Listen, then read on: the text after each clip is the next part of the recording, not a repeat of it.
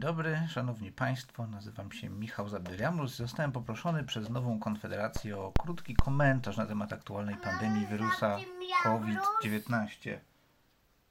Tak, e, popularnie zwanego koronawirusem. Drodzy Państwo, jestem, jak Państwo widzą, e, jak wielu innych pracowników uczelni w Polsce, jestem na przymusowej pracy w biurze domowym z osobistą opieką nad dzieckiem. Więc proszę o wybaczenie ewentualnych przypadków dziecięcych przerywników, które by były uchwycone w nagraniu.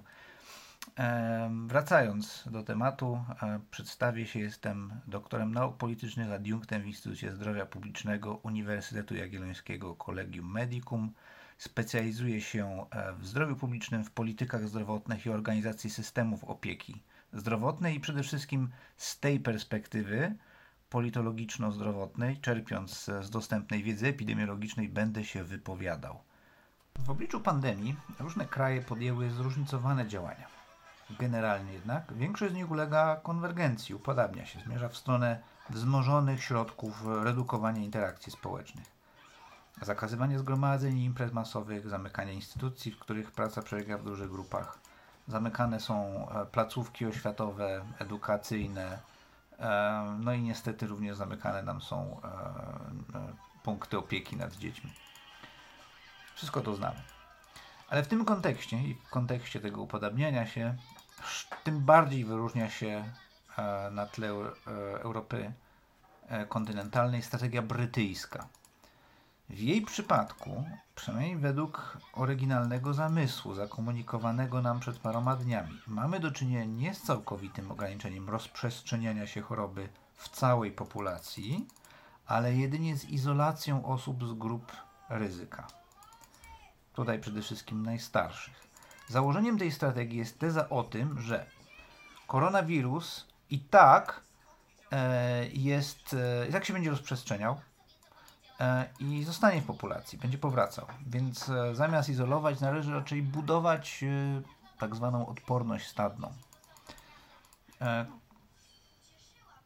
Innym założeniem jest to, że za słowami premiera Borysa Johnsona, skoro zgony najbliższych nam i tak będą się zdarzać, to trzeba się z tym pogodzić.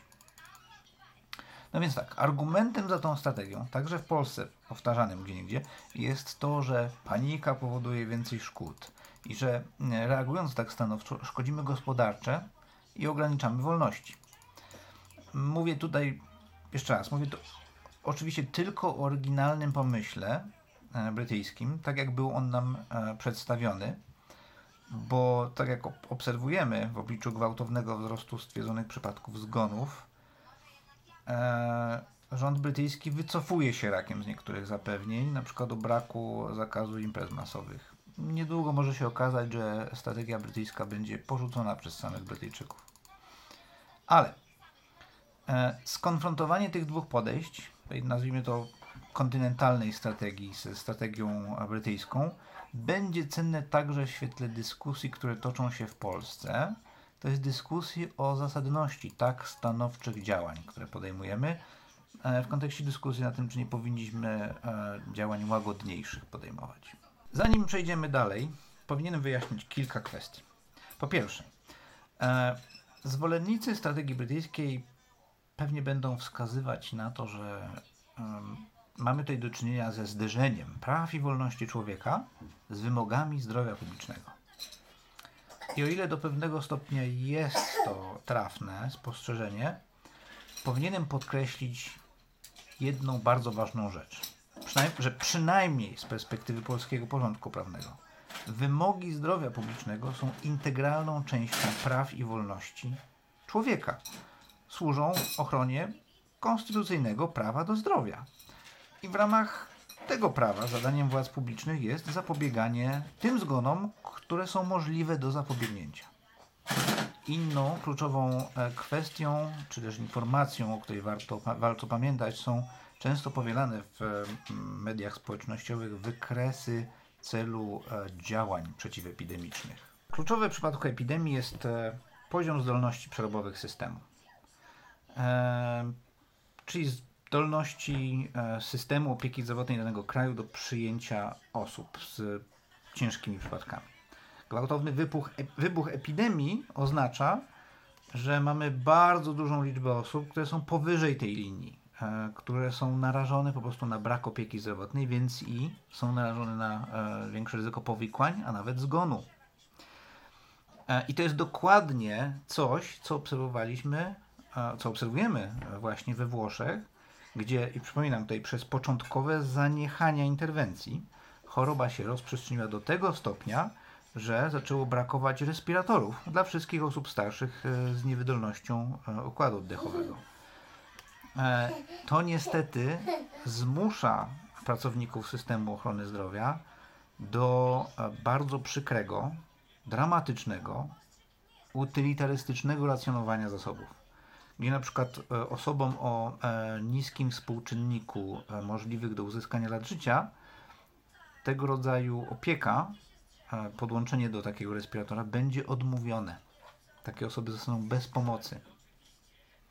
Więc w okresie pandemii e, celem jakichkolwiek działań zdrowia publicznego jest to, żebyśmy rozłożyli w czasie zachorowania tak, żeby się wszystkie mieściły pod tą kreską, pod e, zdolnościami systemu.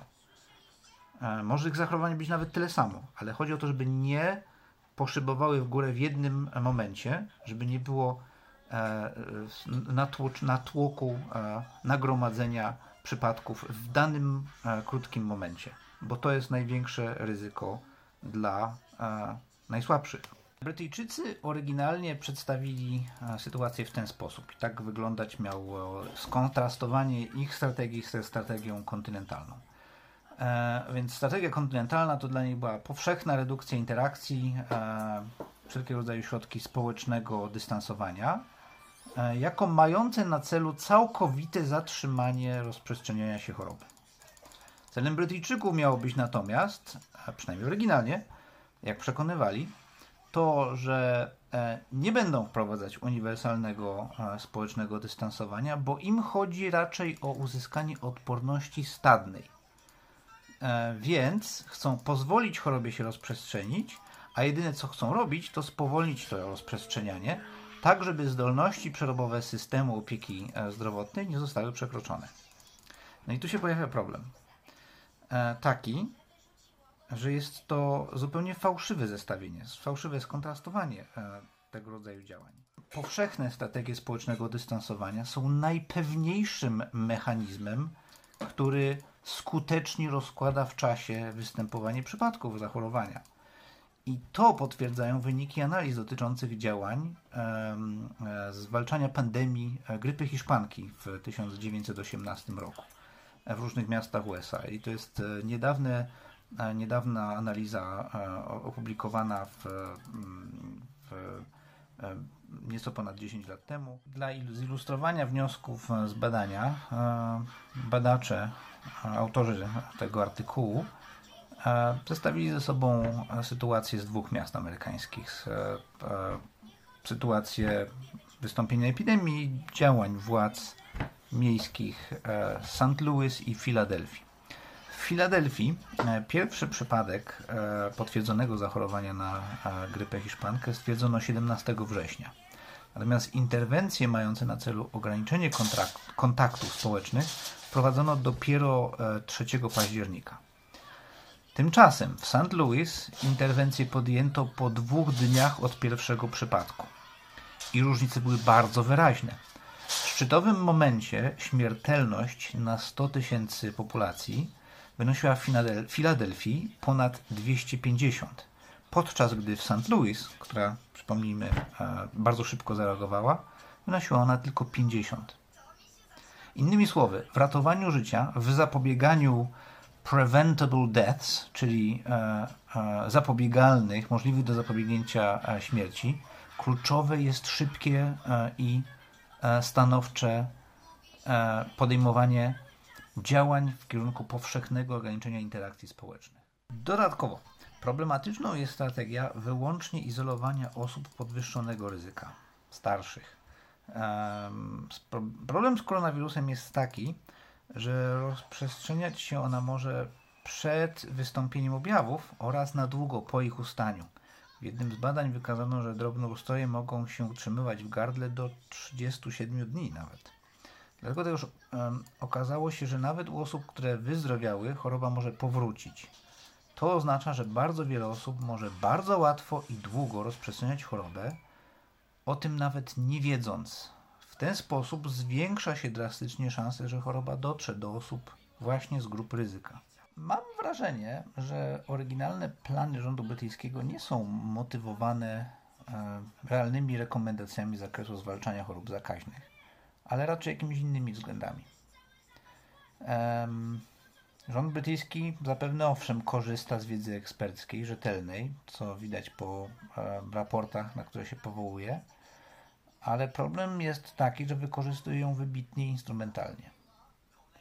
E, pomaga im w tym doprowadzona do perfekcji brytyjska strategia biurokratycznego żargonu i e, komentarzy politycznych, które zdają się mówić wiele, utrafiać we wszystkie słowa klucze, ale jednak niewiele treści przekazywać. To, co teraz obserwuję w polityce brytyjskiej e, w kwestii reakcji na pandemię koronawirusa, niestety wpisuje się w pewien trend. E, które obserwuję w politykach publicznych od parunastu lat, e, brytyjskich politykach publicznych. E, I jest to trend o tyle rozczarowujący, że we wczesnych latach 2000, w początkach XXI wieku, Zjednoczone Królestwo stanowiło w znacznej mierze wzorzec bardzo ciekawych, dobrze skonstruowanych instytucji tworzenia polityk zdrowotnych e, tworzenia rozsądnie regulacji w obszarze zdrowia publicznego. Rozwiązania te w systematyczny sposób starały się wyważać wskazania wiedzy eksperckiej, dowodów naukowych, razem z interesami gospodarczymi e, pracodawców i pracobiorców, a także brały pod uwagę nastroje emocjonalne społeczeństwa. Potem jednak w, od 2010 roku, kiedy do władzy doszli konserwatyści, te strategie tworzenia polityk e, publicznych e, zmierzały jednak w stronę zbyt daleko posuniętej e, samoregulacji. I mam tu na myśli samoregulację, która w zasadzie oznaczała całkowitą dominację interesów własnych przedsiębiorców.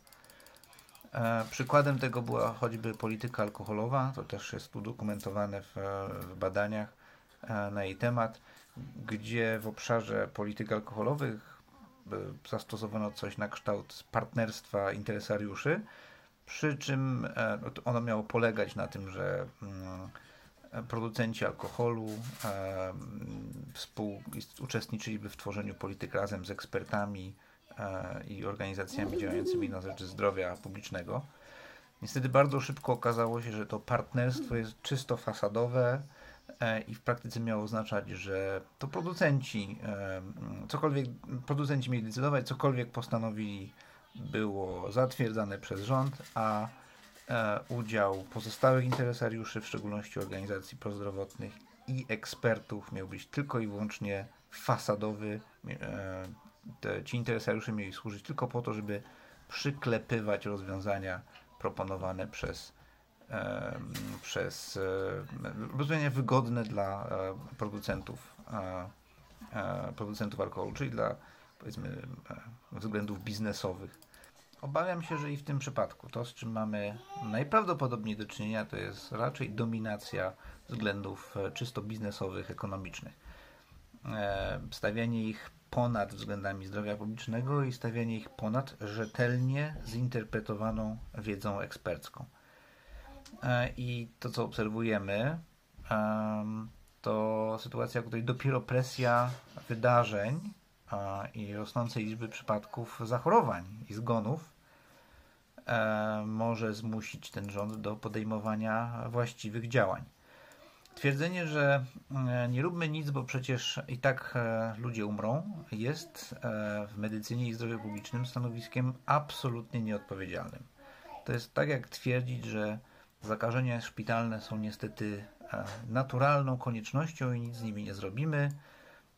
Poprawne działanie w tym kontekście oznacza nie pogodzenie się z faktem, ale podjęcie działań służących prewencji. Oryginalne propozycje rządu brytyjskiego oznaczają jedno wielkie 60-milionowe OSPA party. Jasne, większość przeżyje i siły odporni, ale ogromna mniejszość będzie miała powikłania i nawet zginie. Zresztą e, według niedawno ujawnionego e, raportu eksperckiego e, Brytyjczycy, rząd brytyjski i ci eksperci zakładają, że przy tej oryginalnej polityce zarazi się 80% populacji i z tego umrze według optymistycznego scenariusza 1%, co oznacza śmierć pół miliona ludzi. Przy takiej kalkulacji u nas byłoby to 300 tysięcy zgonów. I to jest poświęcenie, na jakie najwyraźniej Boris Johnson jest gotowy.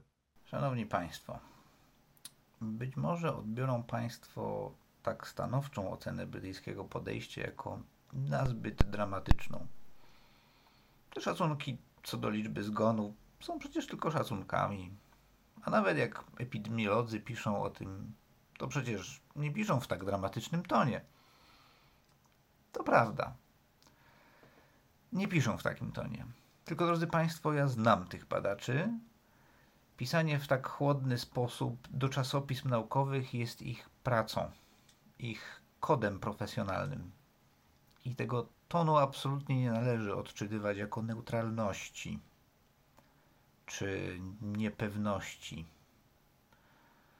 Wprost przeciwnie, e, w tych chłodnych zdaniach o ryzyku ukryty jest ostry sprzeciw wobec podejmowania tego ryzyka. Drodzy Państwo, życzę Państwu dużo zdrowia.